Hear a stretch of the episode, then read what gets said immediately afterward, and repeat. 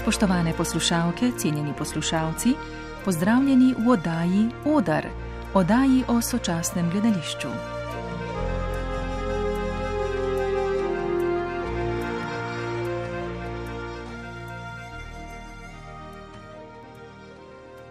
Primoš Ekart, igralec in režiser, je nedavno v razpadajoči palači Cukrarna v Ljubljani režiral in za gledališki prostor priredil intermedijsko prizoritev z lutkami Severni Si Erdman, svoje vrstno dramsko gibalno vizualno zvočno interpretacijo romana pisatelja Draga Jančarja. V predstavi se historični podatki prepletajo z domišljijskimi elementi, uporabljene so tudi maske o večpomenskosti uporabljenih motivov, ki upodabljajo kaotičnost sveta nekdaj in danes, ter iskanju zatočišč pred našimi notranjimi in zunanjimi begani v oddaji Odr, ko se bo pridružila še oblikovalka glasbe in zvoka v predstavi Darja Hlavka Godina, sicer pa Primoš Ekart.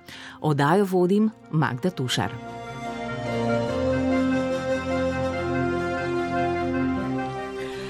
Primo Šekart, dobrodan želim, preden začnemo z anegdotami in vašim študioznim pristopom k delu.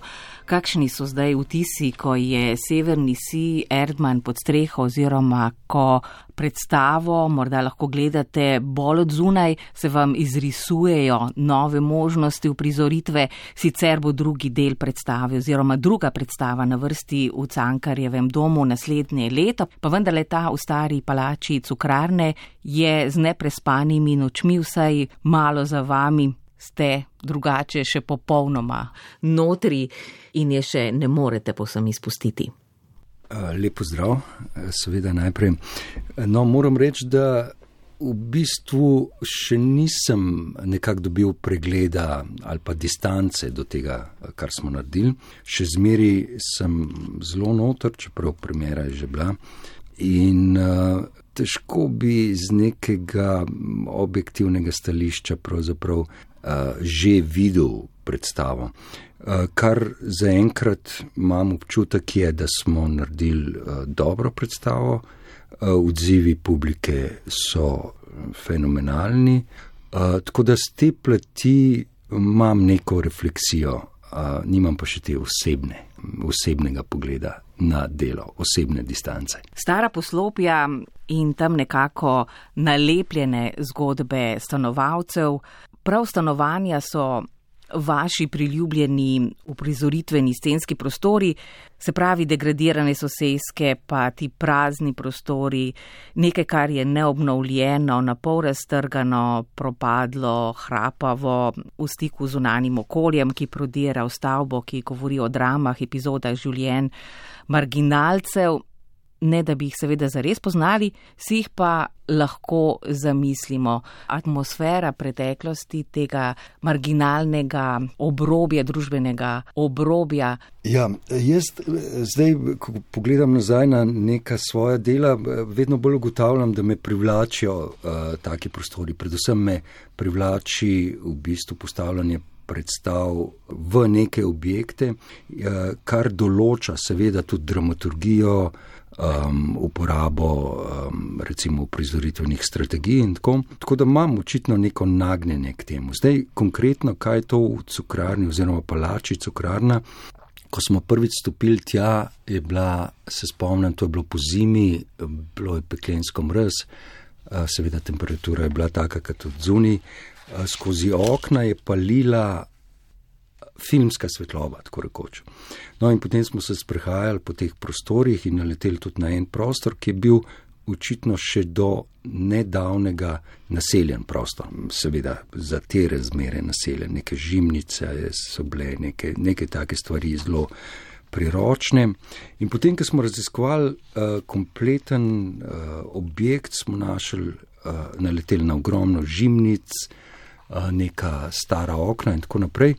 Tako da smo te elemente potem vključili tudi v samo prizoritev. Jasno pa je, da ko človek tam dela, še, še bolj pa preden dela, nekako v spredje stopijo občutki, misli povezane s temi ljudmi, ki so naseljevali, občasno naseljevali, bi rekel, te prostore. Um, skušaš si predstavljati njihove usode, uh, skušaš si predstavljati, kaj so doživeli, preden so prišli v ta prostor. Seveda je to bilo neko zasilno zatočišče, to je bil nek azil, uh, ki so ga uporabljali, ker verjetno niso imeli in niso mogli nikjer drugje živeti. In tako naprej. In tako se mi zdi, da se na nek način to potem tudi izriše v tematiki, ki je upletena v siceršnjo zgodbo Severnega Sija, in da se mogoče tudi izriše v nekih, neki emotivni podobi predstave.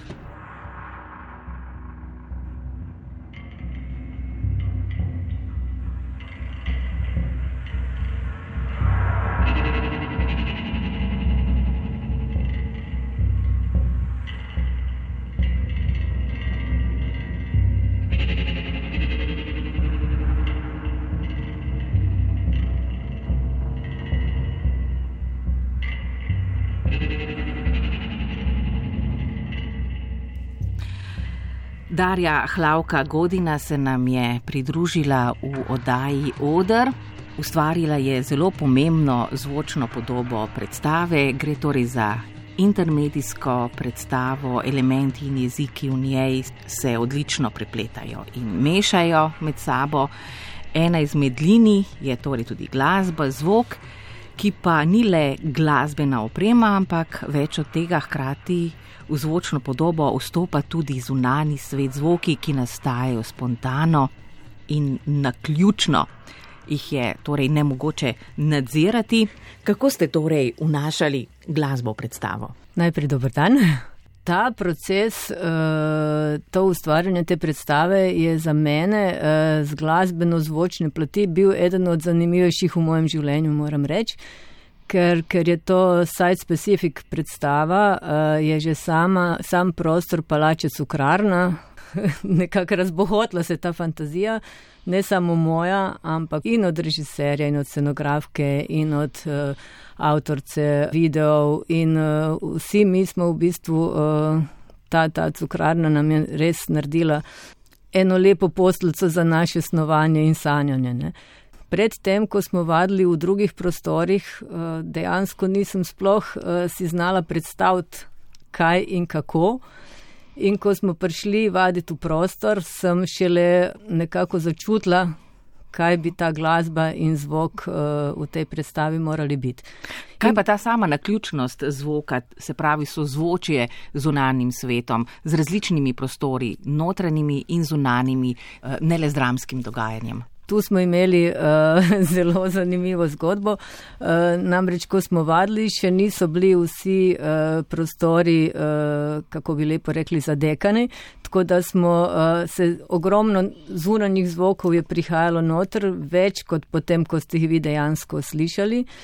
In potem nam je prišlo na misel, da bi dejansko lahko mi v svojo zvočno podobo že uh, dali noter zvoke siren, katere so najbolj prepoznavne. Uh, pr siren, prometa in vseh teh uh, zvonov in vse to. Tako da dost teh zvokov, kaj ste mislili, da slišite od zunaj, jih dejansko niste slišali od zunaj, ampak smo jih mi ukorporirali v svojo zvočno podobo ene, kot recimo ta promet, kaj na mostu, to ste dejansko uh, slišali od zunaj, uh, ker se tako dobro ne more ta prostor zapreti. Tako da je zelo zanimivo to povezovanje in ta interakcija z zunanjim prostorom. Res pa je, da če so kakšne muzike, kaj nam ne bi pasale v našo uh, predstavo, pa, pa smo šli prositi, če bi prosim lahko bili malo tiho za časa, ko mi imamo predstavo. Tako da uh, smo nekako te zvoke zunanje prilagodili malo sami sebi. No, medtem ko ste si naslikali prizore v predstavi, ko ste že vedeli, kako si prizori sledijo, kako igravci, animatori in gledalci prehajamo te prostore, kam gremo. Ali ste slišali glasbo določenih, recimo, dramskih prizorih, kako ste se odločali, kam glasba pravzaprav in kdaj vstopi, kako jo ukomponirati v samo predstavo. Se pravi, celotna podoba predstave je najbrž za opremljevalca, glasbenega opremljevalca ali ustvarjalca zelo pomembna. Absolutno. In uh, najprej človek naredi sploh uh, na osnovi režijskega koncepta svojo glasbeno dramaturgijo in zvočno dramaturgijo. Brez tega skoraj pa nekako uh, ne moreš niti uh, začeti snovati neko, neko podobo. Tako da to je prvo. Uh, jasno, da tudi vsak režiser ima svojo pot uh, in z enimi režiserji, kot je recimo Januš Kica, od dneva nula dejansko od bralnih vaj sedimo skupaj in spuščamo muzike in ustvarjamo uh, skupaj zvočno podobo. S Primožem Ekartom pa jaz imam uh, en naš najn sistem, kateri mi se zdi, uh, da je za najo zelo uh, fajn, da uh, jaz kupčkam, kupčkam, kupčkam glasbo, potem ko preberem tekst, pa pa Primož reče, a imaš mi še že kaj poslati svojega kupčka, jaz rečem, ne, še ni dovolj velik, še se ni začel rušiti, ko bo ti pošljem in dejansko jaz njemu pošljem vse svoje glasbe, katere so me navdihnile, s tem, da označim, kje bi jaz kaj uh, si želela. In potem primoš to vse posluša in uh, takoj uh, dobim feedback, kaj, v katero smer in tako, tako da uh, zelo lepo uh, ustvarja v skup. Eh, z malo besedami in veliko glasbe dejansko, da, in zvokov, ne samo glasbe, ker v tej predstavi, kot veste, je uh, enako veliko zvokov in glasbe, tako da uh, ni samo glasba, ampak je dejansko smo ustvarili popolno zvočno podobo. Edino, ko ste rekli, če sem na začetku vedla, kaj in kako z dramskimi prizori, edino, kaj smo se zmenila na začetku, predno smo prišli v prostor, je bilo to, Ne želimo si, da nam glasba igra v prostoru, v katerem se dramski prizor dogaja. In to smo prekršili sicer na parih mestih, to je res, ampak načeloma se je vedno glasba dogajala nekje drugje, z mislijo, da je zunani svet tudi. Uh, obstaja, zato smo nekako jo postavili v razne druge prostore in eh, da dobimo neko reliefnost, mogoče plastičnost zvočne podobe in tudi je to se dogajalo in v projekcijah in z lučjo, tako da smo vsi v tem procesu sodelovali izdelovanja tega reliefa ali plastičnosti ali kakorkoli že temu rečemo. Kaj pa, da nimo samo pogovor z avtorico Eh, glasbene in zvočne podobe, se pravi potapljanje v svoje lasne notranje svetove, glede na to, da predstava govori tudi o temah in svetlobah nekega časa, se pravi tudi ta razdeljenost, recimo severni si kot svetloba, vendarle rdeče barve in po drugi strani neka temačnost samih likov, same atmosfere, samega vzdušja, samega časa, napoveduje se katastrofa, to ljudje čutijo, zelo so recimo nervozni. Kako to patološkost, nekako eh, težavnost samega duha osebe ali mesta pretočiti v glasbo? ja, Mislim, Severni si je bil prva knjiga, kaj sem jaz prebrala v slovenščini, ko sem prišla v Slovenijo in uh, ta knjiga me spremlja dejansko uh, dolga leta že. Tako da, uh, ja, ko sem jo zdaj ponovno brala, uh, dejansko ta napoved katastrofe, kataklizme, nečesa grdega je, kaj je dejansko nekako predvsem zaznamovalo mojo zvočno.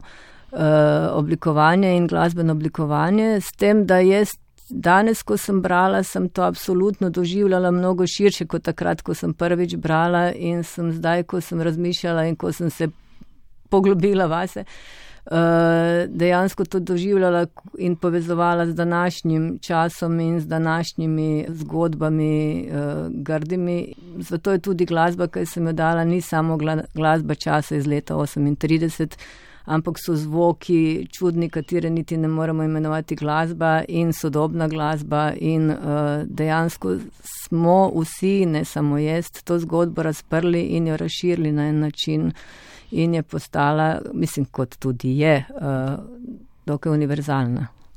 Ne vem sicer, katere avtorje oziroma katere skladatelje, katere ustvarjalce glasbe ste vse uporabili ampak vendarle, kdo najbolj označuje ta sodoben psihotični čas? Pa ne bi tukaj poimensko uh, dejansko, uh, ker niti na ta način ne razmišljam, ampak razmišljam dejansko o neki splošni atmosferi, splošni podobi, in potem se samo odpirajo neke zgodbe in avtori. In, uh, ne znam povedati, kdo bi to bil, kdo bi označil, ker uh, vsi mi označujemo v bistvu ta čas na en način, ker zdaj živimo tudi. tudi uh, Ponovno spet tak en, en čuden čas in je tega ogromno tudi v nas vseh. Ne? Tako da uh, kljub temu, da isto kot v predstavi se znamo in zabavati in smejati in nam je fino, ampak uh, čutimo to neko podtalno temo, kakorkoli, nažalost. v upanju, da pride uh, fajn obdobje v naših življenjih.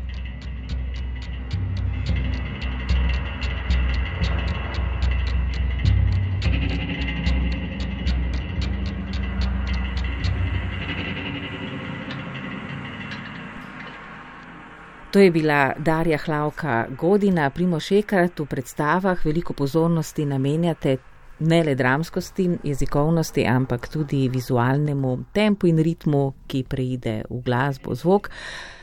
Ali pa je glasba svoja zgodba, tudi dramsko predstavo, da nimo je mogoče gledati kot večstavčni koncert ali kompozicijo, da nimo v slikarskem delu. Kakšen odnos imate do vseh teh umetnosti, ki jih navadno združujete v predstavah ali pa v čem drugem? Mislim, to so za gledališko uprizoritev zelo pomembne stvari, to so elementi gledališke uprizoritve. Um, in seveda potem je od same, recimo, zasnove, koncepta, um, vsebinske zasnove, tudi odvisno, kako um, jih uporabljamo. Zdaj, ta prostor nam je odpiral neke možnosti uporabe, ne samo uporabe glasbe, ne samo kot nekega atmosferskega dodatka, ampak poigravanje v bistvu z, z tem, kje je ta zvok umeščen, odkot prihaja, koliko različnih zvokov naenkrat slišimo iz koliko različnih prostorov. In um, zvočna oblikovalka Darja Hlavka Godina je tukaj upravila res eno mojstrsko delo, zvočna podoba se mi zdi, uh, je močan element te predstave in uh, odpira neke razsežnosti, ki jih mogoče v drugačnem prostoru ampak, ali pa z drugačnim oblikovanjem zvoka ne bi dosegli. Poskušate razvozlati vozlišča tega brutalnega, zlorabljajočega, okroglega, vendar v resnici kar izkrivljenega sveta, ki ubira te katastrofične, zelo znane katastrofične poti. Blizu so vam in radi delate zapletene in teže uprizorljive vsebine. Poleg te predstave Severni Si je bila denimo odmevna predstava v okviru mini teatra iz dveh zvrstno zelo različnih besedil, ki ste jim dali Primošekart svojo noto, gre za predstavo Nemoč, ki je bila uprizorjena tudi na Boršnikovem srečanju in bila tam nagrajena in spoznana za najboljšo predstavo ki se ukvarja z grabljenjem svetovnih elit, ki so posem brezvesti in brezramne. Vse je podprto z mantrami ekonomskega tržnega determinizma, zadaj zatem pa je zavajajoče slikanje svobode, svobodnih odločitev, kot da se svet vedno zatakne v isti zanki. Takrat, recimo, ko bi dejansko lahko nekako in končno splavali. To je tudi ena izmed poant Severnega Sija in te predstave. Ja, res je. V, bistvu si, tako kar razmišljam, si nekako um, pred samim začetkom dela, kot da bi si za nalašč zapletel in otežil proces dela. Uh, tudi recimo neke okoliščine, doskrat čist produkcijske, narekujejo neke odločitve, ki se potem izkažejo kot dobre odločitve. Uh, tako tudi nemoč je na začetku izgledala, ker sta to dve zgodbi. Ena je um, finančna zgodba, ena zgodba je uh, zgodba Belova, pogledi nekega klona, uh, izpovedi nekega klona. Uh, na prvi pogled nezdružljivi stvari, stvari, ampak sta me obedvi v tistem času privlačili, obedvi sta nosili isto premiso in to je, uh, kako smo nemočni, mogoče na tem intimnem in na globalnem področju. Um, tako da so vsi ti izzivi pravzaprav dobrodošli. Ja, seveda, kar se pa uh, severnega sija tiče, je pa to. Ne? Na nek način vsi doživljamo ta čas zelo podobno, kot so ga mogoče ljudje v 30 letih pred drugo svetovno, drugo svetovno vojno doživljali kot nekak mm, v čakanju na neko kataklizmo, v pričakovanju kataklizme, v, v, v občutkih, ki, ki nas obdajajo, eh, ko zremo v prihodnost in ko.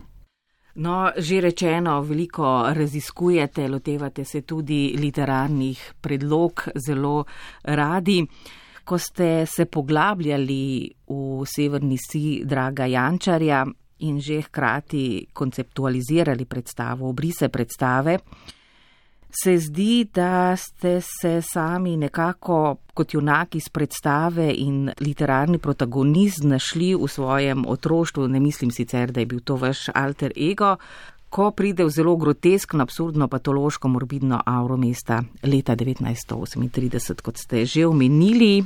In se zdi, da je to okolje zelo enigmatično, Občutenje lastnega otroštva, doživetja je težko predstaviti nazaj v leto prihoda Erdmana v Maribor leta 1938. Seveda, čeprav referenca otroštva in obrisi mesta niso tako nepomemben faktor pri ustvarjanju te predstave Severni Si. Zdaj jaz seveda nimam izkušnje. Um tok rane, ne, sem vse en mal mlajši. Ampak seveda eden glavnih protagonistov zgodbe Severnega Sija je mesto, je mesto Maribor.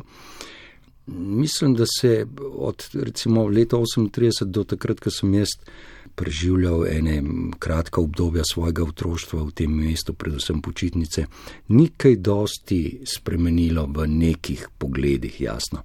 In da m, mm, sem se lahko v nekih stvarih povezal s to zgodbo preko mojih občutkov iz otroštva, mojih stikov s tem mestom, z ljudmi iz uh, Maribora in tako.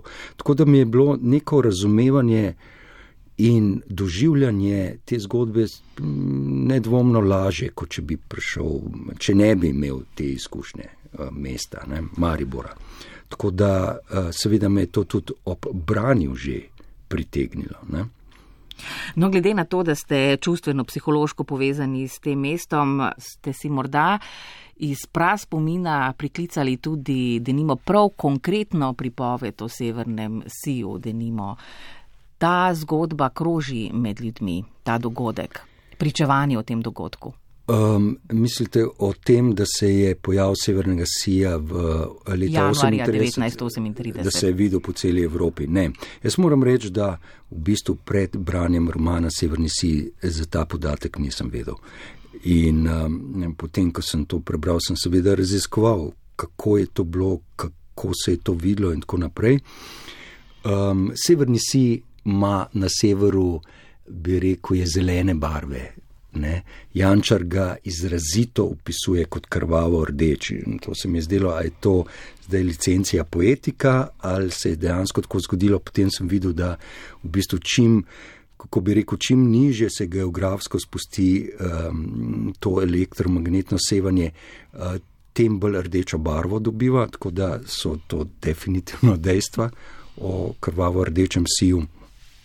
Tako da je bilo to za me pravzaprav odkritje. Niti nimam v sebi, niti v moji družini ali pa um, prijateljih, ni neke obnove uh, o tem pojavu bilo. Um, popolnoma nov podatek in seveda fascinanten podatek. Uh, no, takšne podatke krajev navadno poznajo ljudje, ki so v eni točki razgleda, da nima vse življenje, torej se razgledujejo na svet iz ene točke in so ostali v enem kraju, hranijo pa spomine iz preteklosti mesta, poznajo, kako so urbanistično in arhitekturno ti kraji spremenjeni ali pa regije države. Denimo, kakšne so amplitude zgodovinske travme, imena ulic niso več.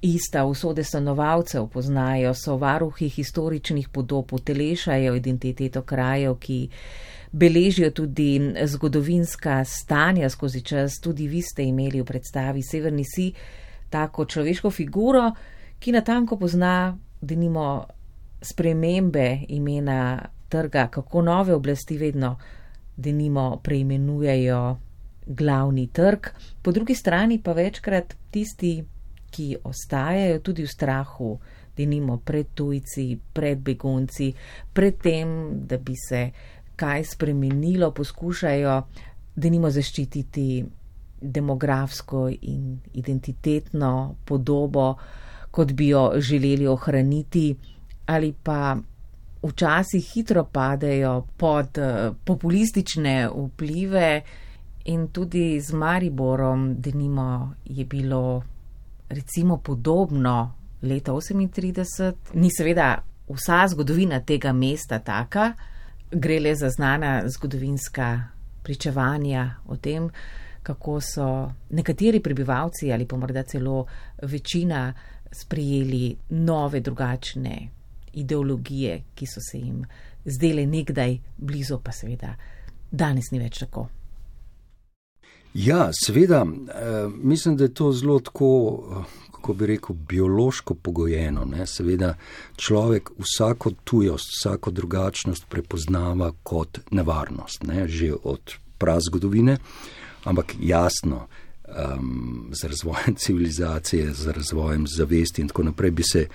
Uh, bi bilo fino, da se človek tudi uh, zave teh svojih strahov, iz kje izhajajo, jih racionalizira, jih ozavesti in se v skladu s tem tudi do vsega tega tujega obnaša. Mislim, da to ni zelo povezano s tem, da človek samo zato, ker se ni premaknil. Jasno, če ti potuješ, če doživljaš drugačne kulturne navade, vse te stvari zelo pripomore k temu, da se lahko odpreš. Ni pa to seveda spet, bi rekel, nujno. Ne?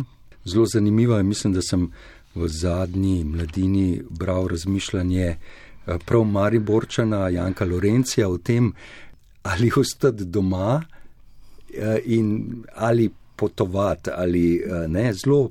In seveda odgovora ni, ne? ampak Eh, ne glede na to, da gospod Lorenci verjetno ni, že dolgo ni potoval, seveda nima nobenih, si predstavljam, vsaj po njegovem pisanju sodeč, nobenih tovrstnih predsotkov do tujcev, do beguncev, do ljudi, ki so drugačni, tudi mogoče recimo iz.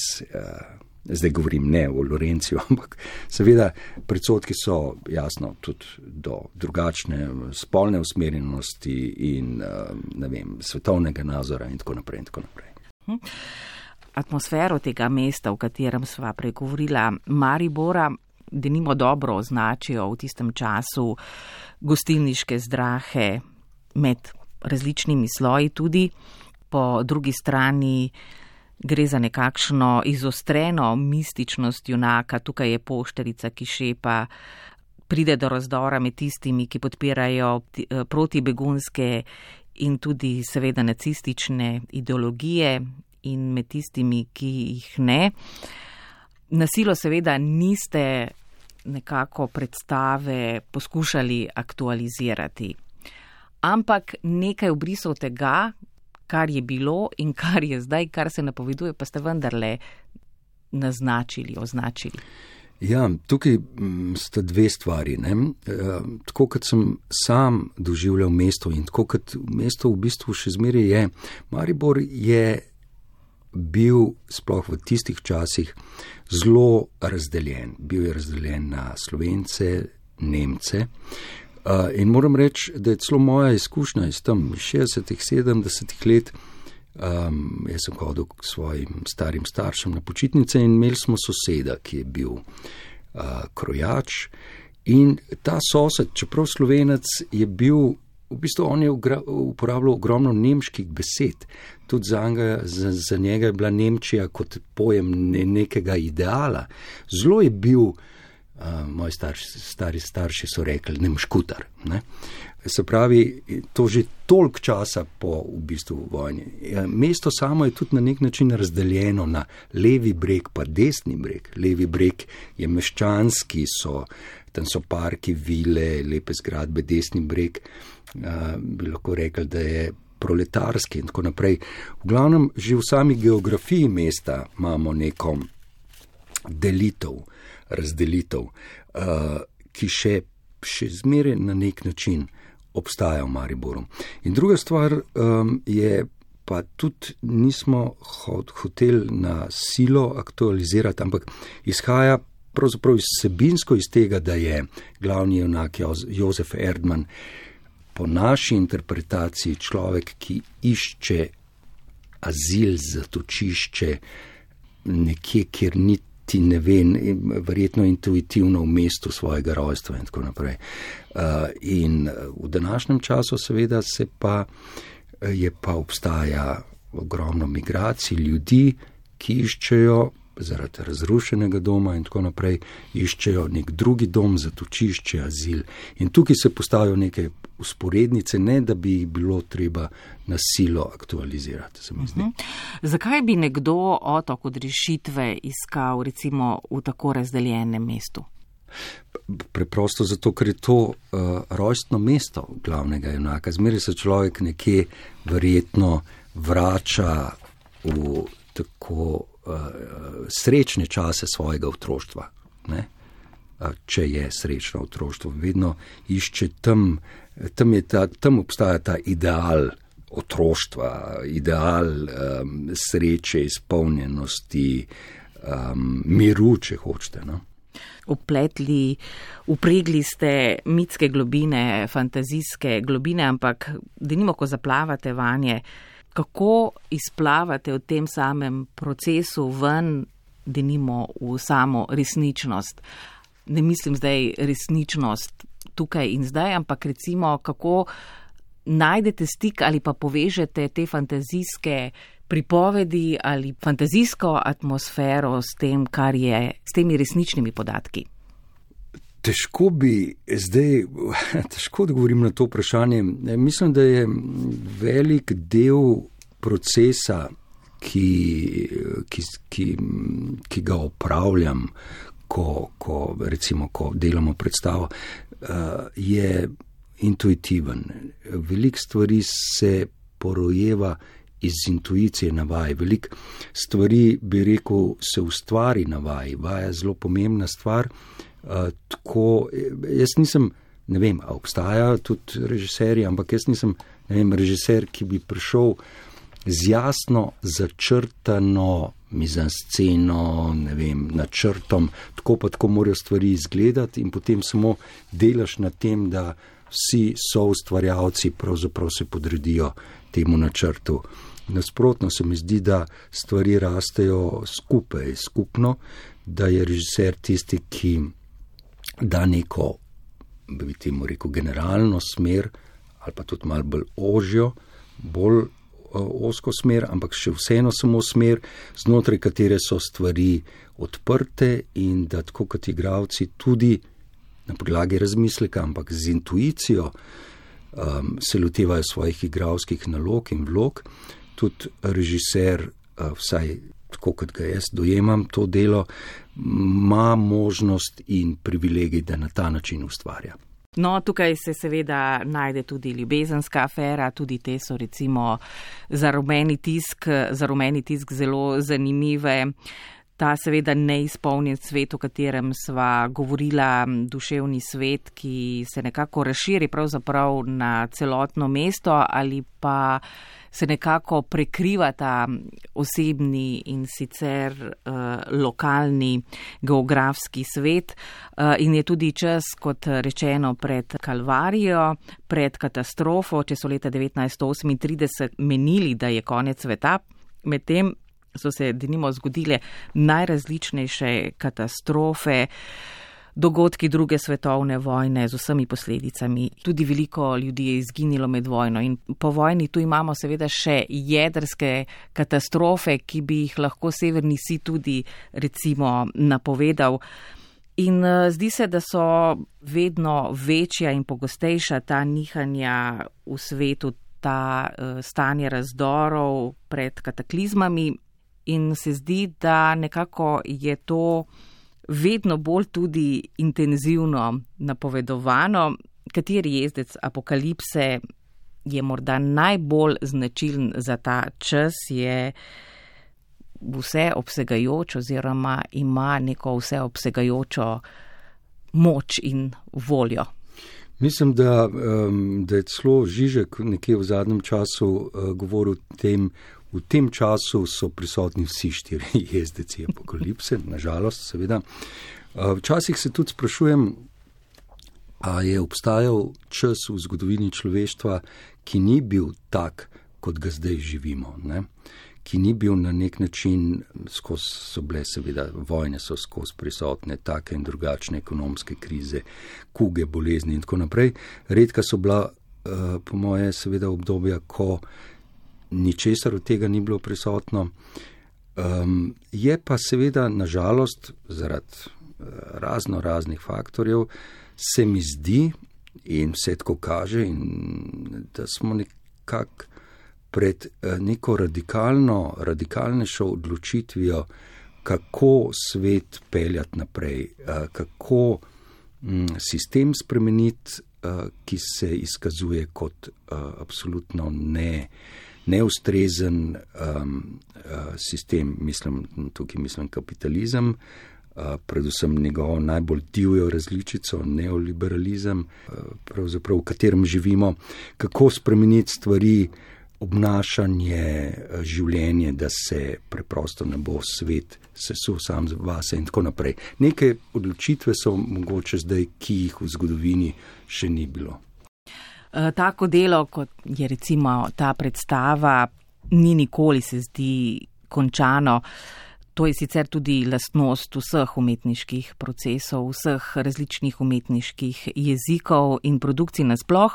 Ne glede na to, da so za vami premjerni in eh, predpremjerni dogodki, ste z odprtimi vajami želeli testirati občinstvo, ki ste ga seveda tudi vključili v predstavo, ste hoteli recimo s tem, da gledalci sabo nosijo stole, povedati, kje trenutno vsak izmed nas je in eh, kakšno dediščino nosi za sabo tako osebno kot pa zgodovinsko, ali je samo to praktična rešitev predstave.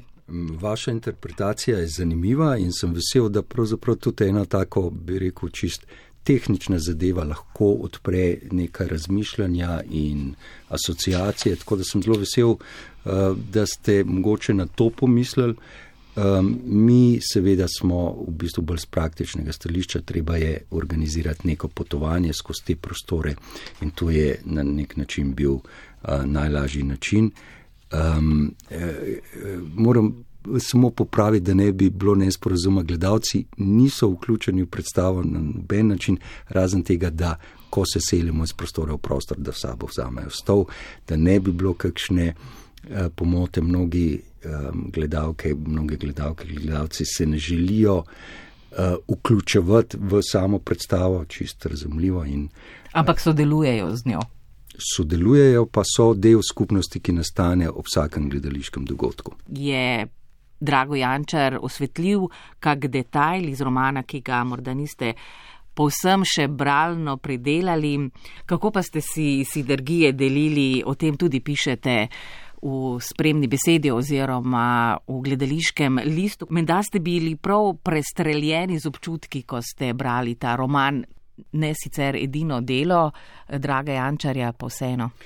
Ja, ja, kar se tiče teh, um, bi rekel, kot sem uporabil in ste vi lepo obnovili to besedo, prestreljeno z občutki. Ja, v branju romana in večkrat ga prebereš, bolj si prestreljen z temi občutki. Um, in to je tudi tisto, kar me ponavadi nažene, da uh, se lotim razmišljanja vsaj o uprizoritvi, če že ne zares uprizoritve. Eh, moram pa reči, da um, je Drago Jančar, bi rekel, seveda izjemen ustvarjalec in vse to, ampak tudi na nek način človek, ki ima eno, uh, bi rekel, tako, mene predvsem z neko toplino, niti ne prepričal, ker me ni bilo treba prepričevati, ampak se me dotaknil z neko toplino, odprtostjo, radovednostjo. Um, kaj se bo iz tega zgodilo. In v samem procesu dela se nisem dost, bi rekel, nisem spraševal nekih stvari. Zanesli smo se na občutke, ki nas peljejo v uprizarjanje nečesa. Mislim, da je bila naša pot kar točna. Um, pri Ančarju se zmeraj se prepleta neka faktografija, neki dokumentarne zadeve, se prepletajo s fikcijo in to je tisto, kar se mi zdi dobra in pravilna in odlična pot. Tako da smo si tudi mogoče v kakšnih stvarih privoščili mal več ali nekaj drugače, kot je v samem romanu. Primož Ekart, izdali ste tudi v napisanem, da še niste pri koncu zbranjem Jančarevega bogatega knjižnega obsega opusa, ki sodi v kanon slovenske sodobne literature, glede na to, da ste navdušeni nad vsebinami, nad slogom njegovega romanesknega slikanja, potem si poleg drugega dela, druge odrske postavitve, ki jo načrtujete, gotovo lahko obetamo še kaj.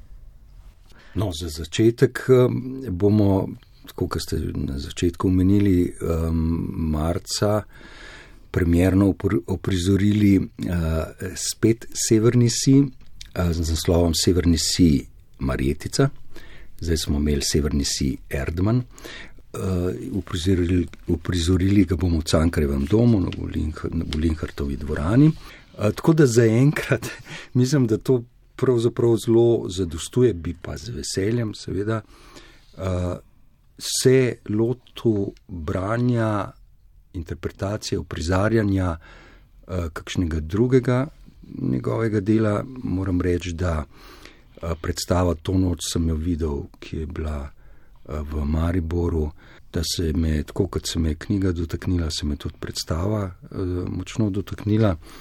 Um, in sigurno je iz tega Jančarjevega opusa še kaj, kar bi z veseljem, recimo, se lotil in uprizoril. Primo še kar najlepša hvala, da ste si vzeli čas za obisko Daji Oder in za predstavo, ki gledalce zagotovo pritegne in celo posrka v dogajanje.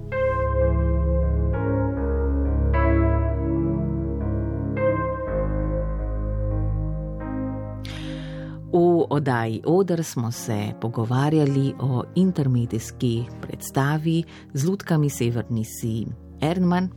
Gosta oddaje sta bila režiser Primo Šekart in oblikovalka glasbe ter zvoka Darja Hlavka Godina.